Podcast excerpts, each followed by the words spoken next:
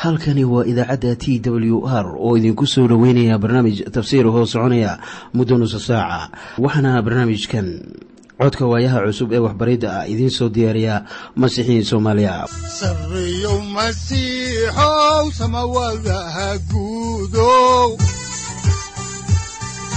Siraadkii adduunkow subanaha eebow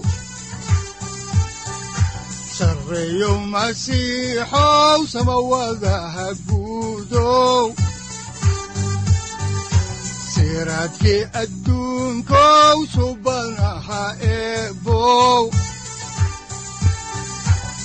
adigoo samaada jiro ifkan soo saldhiganba adigoo samaada jiro ifkan soo saldhiganba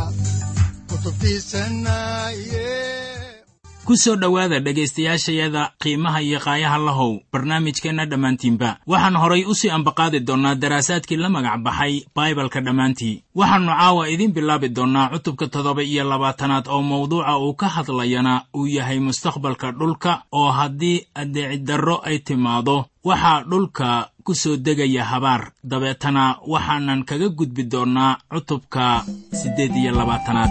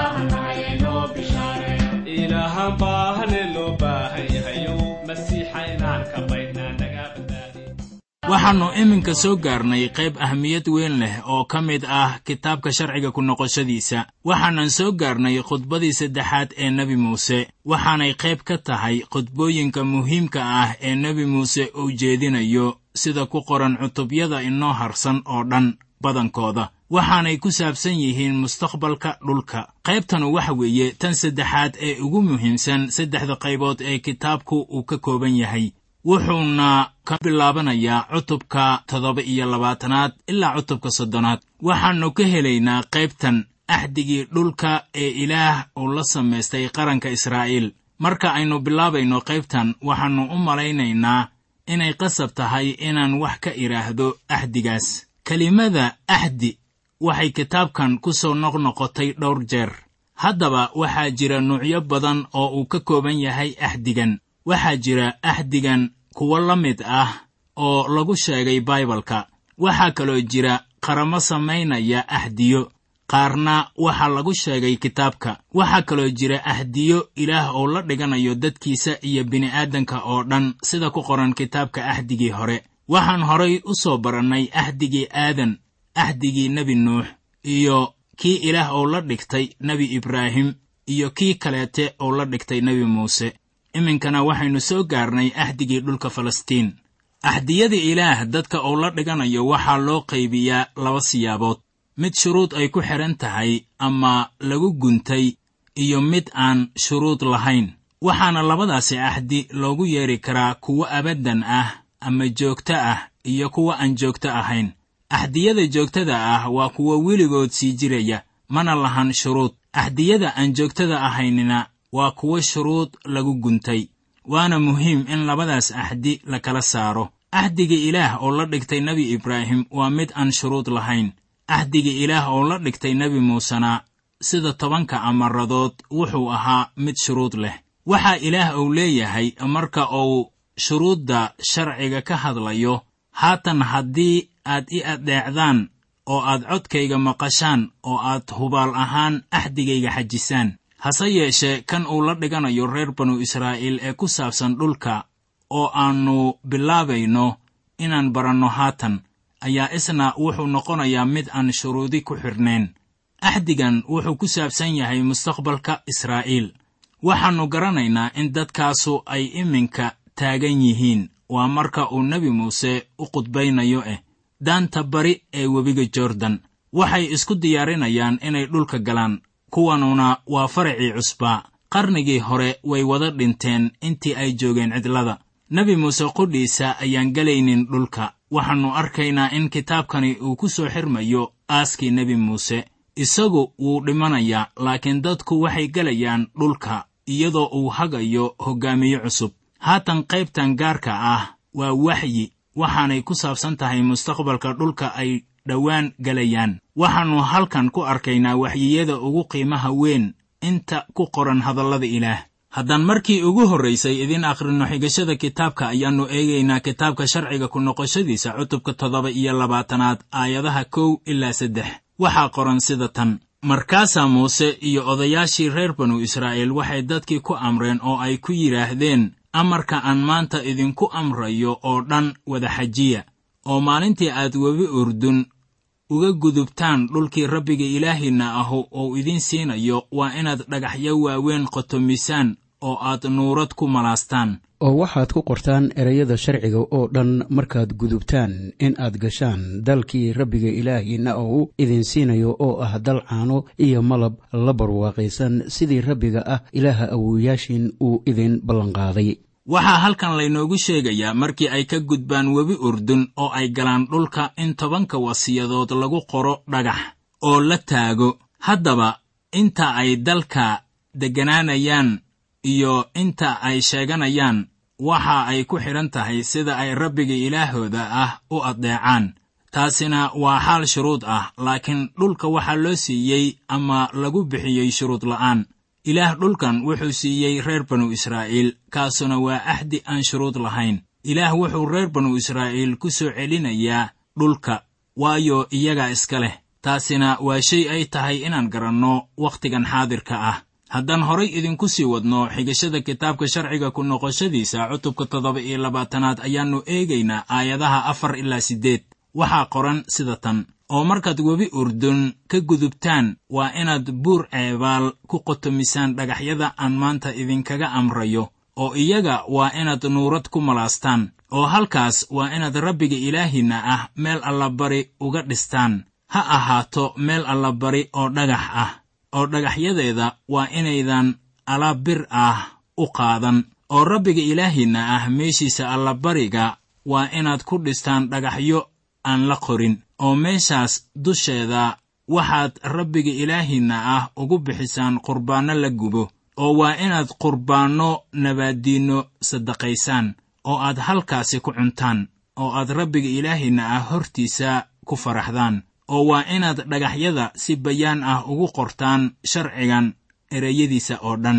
Sharciga ilaah waa in si joogto ah bannaanka loo keenaa bilxaqiiqa waa in la keenaa meel waliba ee ay tegayaan. Haba ahaato fayaaradaha guryahooda. Haddaan horay idinku sii wadno xigashada oo aannu eegno cutubka toddoba iyo labaatanaad aayadaha sagaal ilaa laba iyo toban waxaa qoran sida tan. Markaasaa nebi muuse iyo wadaaddadii reer laawi waxay la hadleen reer banu israa'iil oo waxay ku yidhaahdeen reer banu israa'iilow aamusa oo dhegaysta maanta waxaad noqoteen dadkii rabbiga ilaahiinna ah. Haddaba waa inaad addeecdaan codka rabbiga ilaahiinna ah oo aad yeeshaan amaradiisa iyo qaynuunnadiisa aan maanta idinku amrayo oo isla maalintaas muuse wuxuu dadkii ku amray oo uu ku yidhi reer simecoon iyo reer laawi iyo reer yuhuudah iyo reer isakaar iyo reer yuusuf iyo reer benyamiin waa inay kor istaagaan buur gersiim inay dadka u duceeyaan markaad webi urdun ka gudubtaan. Markii ay soo galaan dhulkii la ballanqaaday ayaa barakada dadka laga naadinayaa buur gersiim waxaana laynoo sheegay qabiilada ducaynaya haddaan horay idinku sii wadno xigashada kitaabka ayaannu iminkana eegaynaa aayadda saddex iyo tobanaad ee kitaabka sharciga ku noqoshadiisa cutubka toddoba iyo labaatanaad. Waxaana qoran sida tan.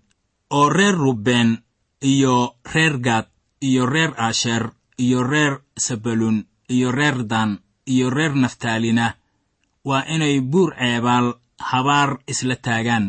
Haddaba buuraha ceebaal waa kuwii haweenaydii reer samaariya ay soo xigatay markay lahayd. Awoowayaasheen buurtan bay ilaah ku caabudi jireen. Markaana halkan waxba laysku dari maayo buur garsiim ducada ayaa laga soo shubayaa buur ceebaalna habaarka ayaa laga soo shubayaa iminkana waxaa layna siinayaa taxanaha habaarka dhulka ku dhacaya haddii ay ilaah addeeci waayaan. Marka ay dhulka joogaan ayaa sharcigooda uu ku xidhan yahay shuruud. Waxaan odhan karaynaa qarni waliba waa sida dad guri ku deggan ijaar ama kiro oo ilaahna waa kii dhulka lahaa. Kirada ay bixinayaanna waa addeecista ilaah. Haddaba qaranku ma ahan sida qolo guri kiraysatay waayo ilaah baa siiyey iyaga dhulkaas inuu ahaado mid ay iyagu lahaadaan weligood. Haddaba markii ay faracaasu addeeci waayaan ilaah ayaa faracaasu dhulka laga saarayaa inkastoo dhulka ay iyagu u lahaanayaan dhaxal weligiis ah. Sababtaas ayaa ka dhigaysa dhulkaasi inuu noqdo mid dadka dunida ku nool indhaha ay ku hayaan dhulkaas waxaa ku qoran rumaysadka qowmiyado fara badan oo dagaal dunida gacmaha ay iskula tagto ayaa ka imaan kara halkaasi. Taasuna waa wax la hubo.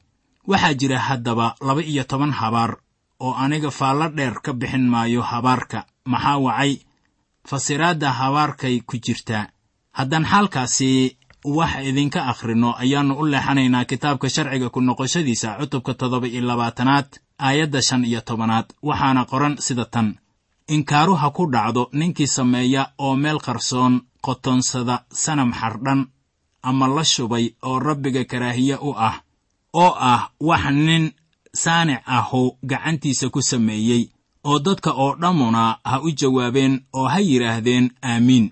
Haddaba aayaddaasu waxay qusaysaa labada aayadood ee ugu horreeya tobanka wasiyadood haddaan horay idinku sii wadno sharciga ku noqoshadiisa cutubka toddoba iyo labaatanaad aayadda lix iyo tobanaad ayaa waxaa qoran sida tan. Inkaaru ha ku dhacdo kii aabbihiis ama hooyadiis fududaysta oo dadka oo dhammuna ha yidhaahdeen aamiin. Haddaba taasu waxay qusaysaa qodobka shanaad ee amarka tobanka ah. Aayadda lix iyo labaatanaadna waxay leedahay inkaaru ha ku dhacdo ku kasta oo aan adkayn sharciga ereyadiisa inuu sameeyo oo dadka oo dhammuna ha yidhaahdeen aamiin. Marka aad akhriyayso aayadaha cutubkan oo dhan ayaad arkaysaa inay iyaga oo dhaniba ku saabsan yihiin inkaarta imaanaysa haddaan la xajinin tobanka wasiyadood. Marka ay halkan joogto ayaa waxaa soo dhammaanaya cutubkii toddoba iyo labaatanaad. Waxaanan si toos ah u bilaabaynaa kan siddeed iyo labaatanaad. Cutubkan wuxuu sii ambaqaadayaa mustaqbalka reer banu israa'iil. Muuse ayaa wuxuu u akhrinayaa shuruudda ku xidhan axdiga ay dhulka ku gelayaan dadka israa'iil waa la barakadaynayaa waase haddii ay addeecaan ilaah. Addeecisdarradooda waxay keenaysaa habaar kaasoo iminka loo fasirayo.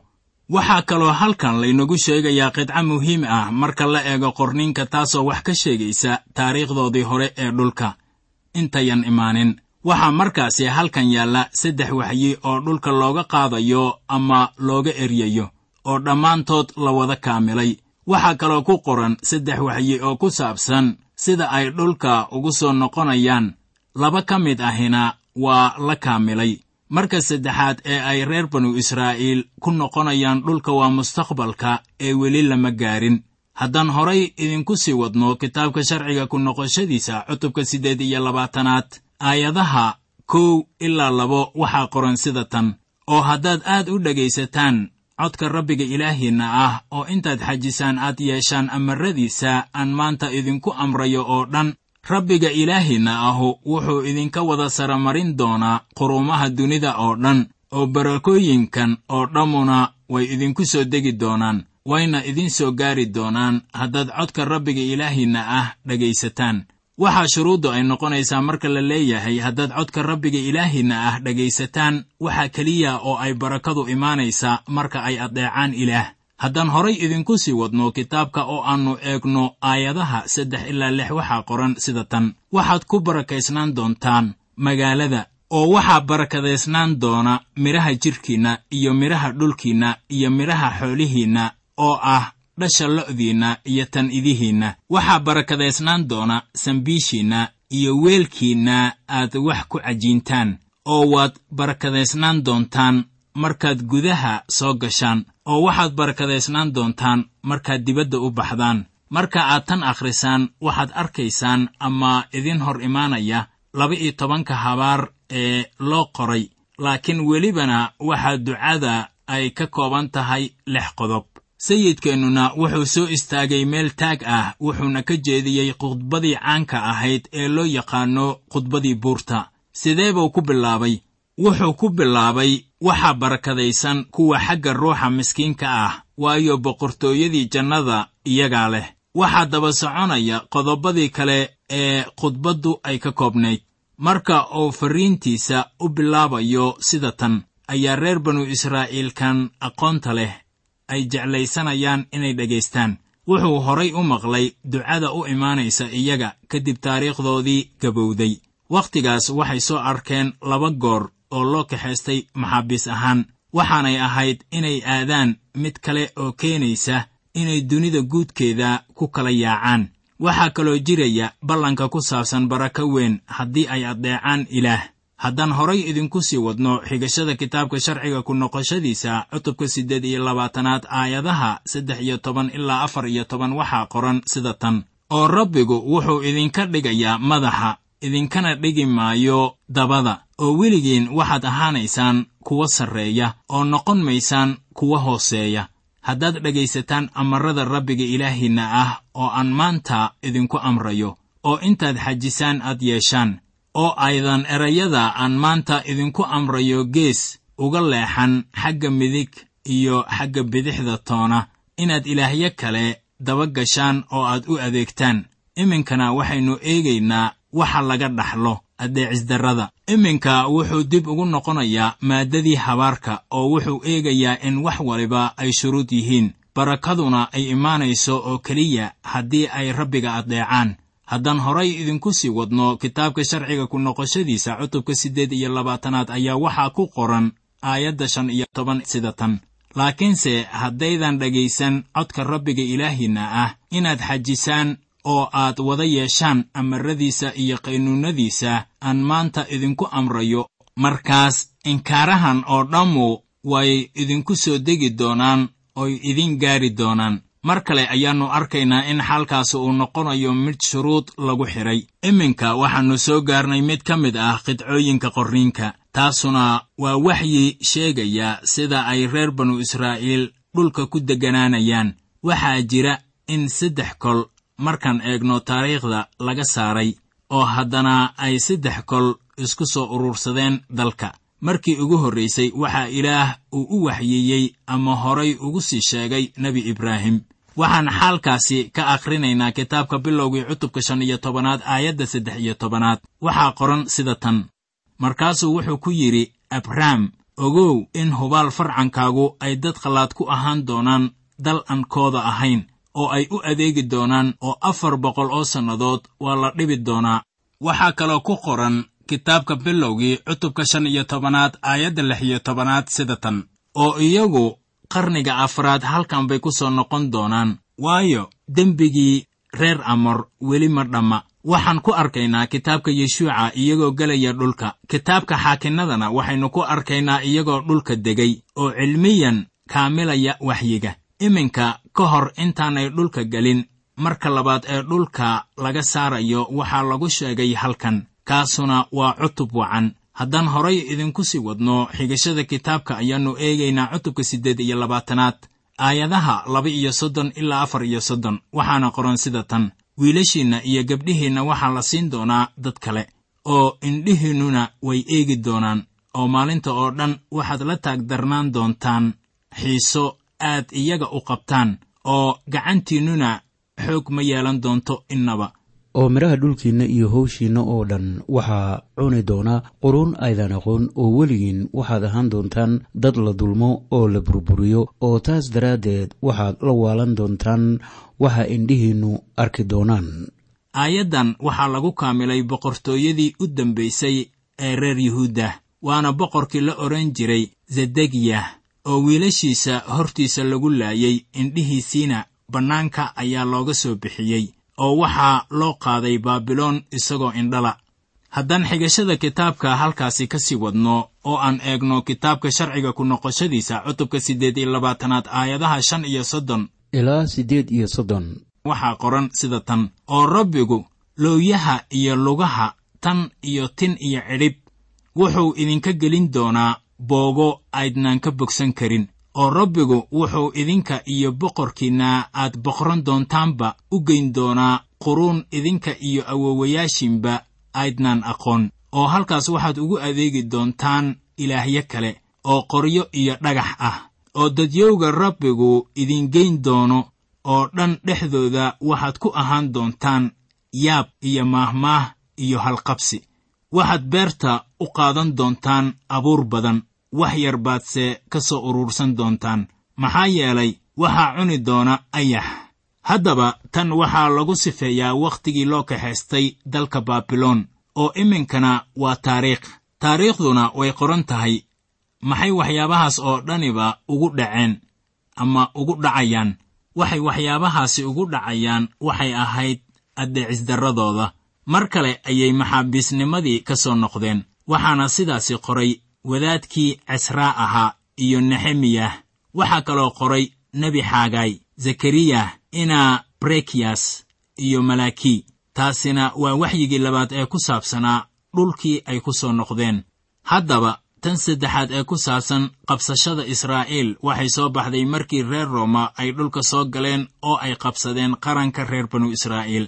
Tanina waxyi ahaan baa loo sii sheegay waxaannu eegaynaa kitaabka sharciga ku noqoshadiisa cutubka siddeed iyo labaatanaad aayadda afartan iyo siddeedaad. Waxaana qoran sida tan. Haddaba sidaas daraaddeed cadaawayaashiinna rabbigu idin soo diri doono ayaad ugu adeegi doontaan gaajo iyo harraad iyo qaawanaan iyo adigoo wax kasta u baahan oo wuxuu qoorta idinka saari doonaa harqood bir ah ilaa uu idin baabi'iyo. Haddaba taariikhda ku saabsan xaalkaasi qabsashada reer rooma ay dhulka barakaysan qabsadeen ayaa waxaa qoray nin la yidhaahdo yosebos wuxuuna inoo sheegayaa imaanshaha reer rooma ee uu hormoodka u yahay embaradorkii la odhan jiray taitas reer rooma oo loo yaqaano boqortooyadii birta ahayd ayaa kaamilay waxyigaasi leh oo wuxuu qoorta idinka saari doonaa harqood bir ah ilaa uu idin baabi'iyo haddaan horay idinku sii wadno xigashada kitaabka oo aannu eegno haatan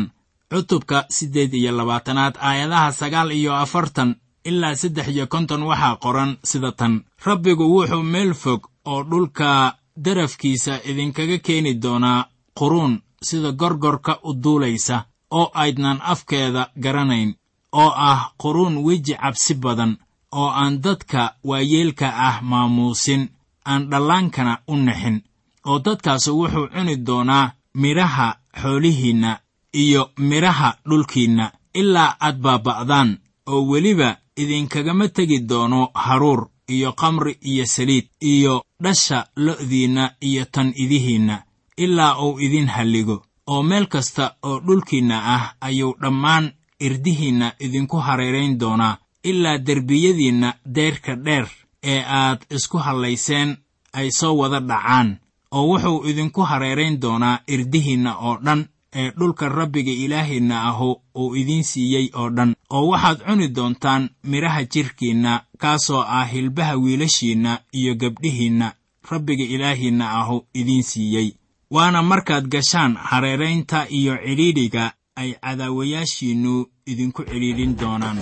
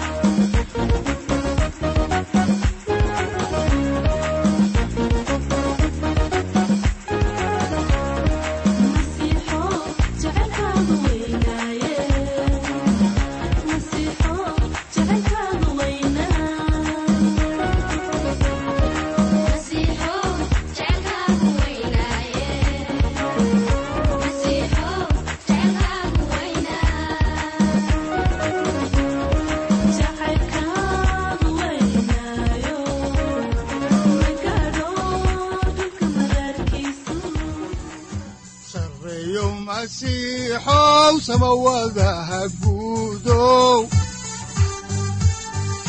siraadkii adduunkow subanaha eebow adigoo samada jiro ifkan soo saldhiganba adigoo samada jiro ifkan soo saldhiganba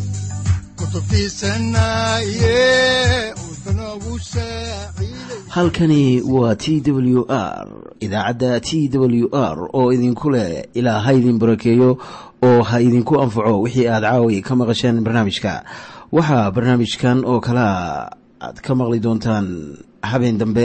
Hadahan oo kale haddiise aad doonaysaan in aad fikirkiina ka dhiibataan wixii aad caawi maqasheen ayaad nagala soo xiriiri kartaan som t w r at t w r c o k e haddii aad doonaysaan in aad dejiisataan oo kaydsataan barnaamijka ama aad mar kale dhegaysataan fadlan mar kale booqo www t w r o r g.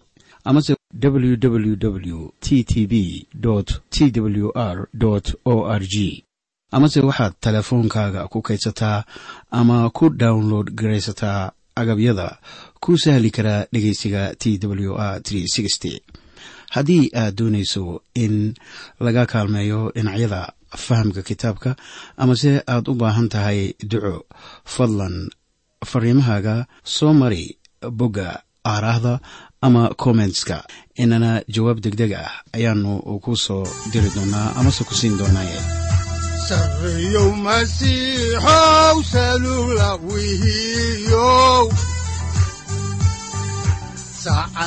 timid dhulka sabada ku dhalatiyo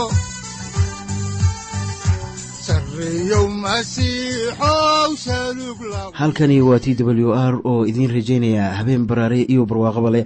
Inta aynu ka gaari doono wakhti aynu ku kulanno barnaamij la mida kan caawayay aad maqasheen. Waxa aan idinku leeyahay nabadda ciise masiix ha idinku badato xagga jidhka iyo ruuxaba. Aamiin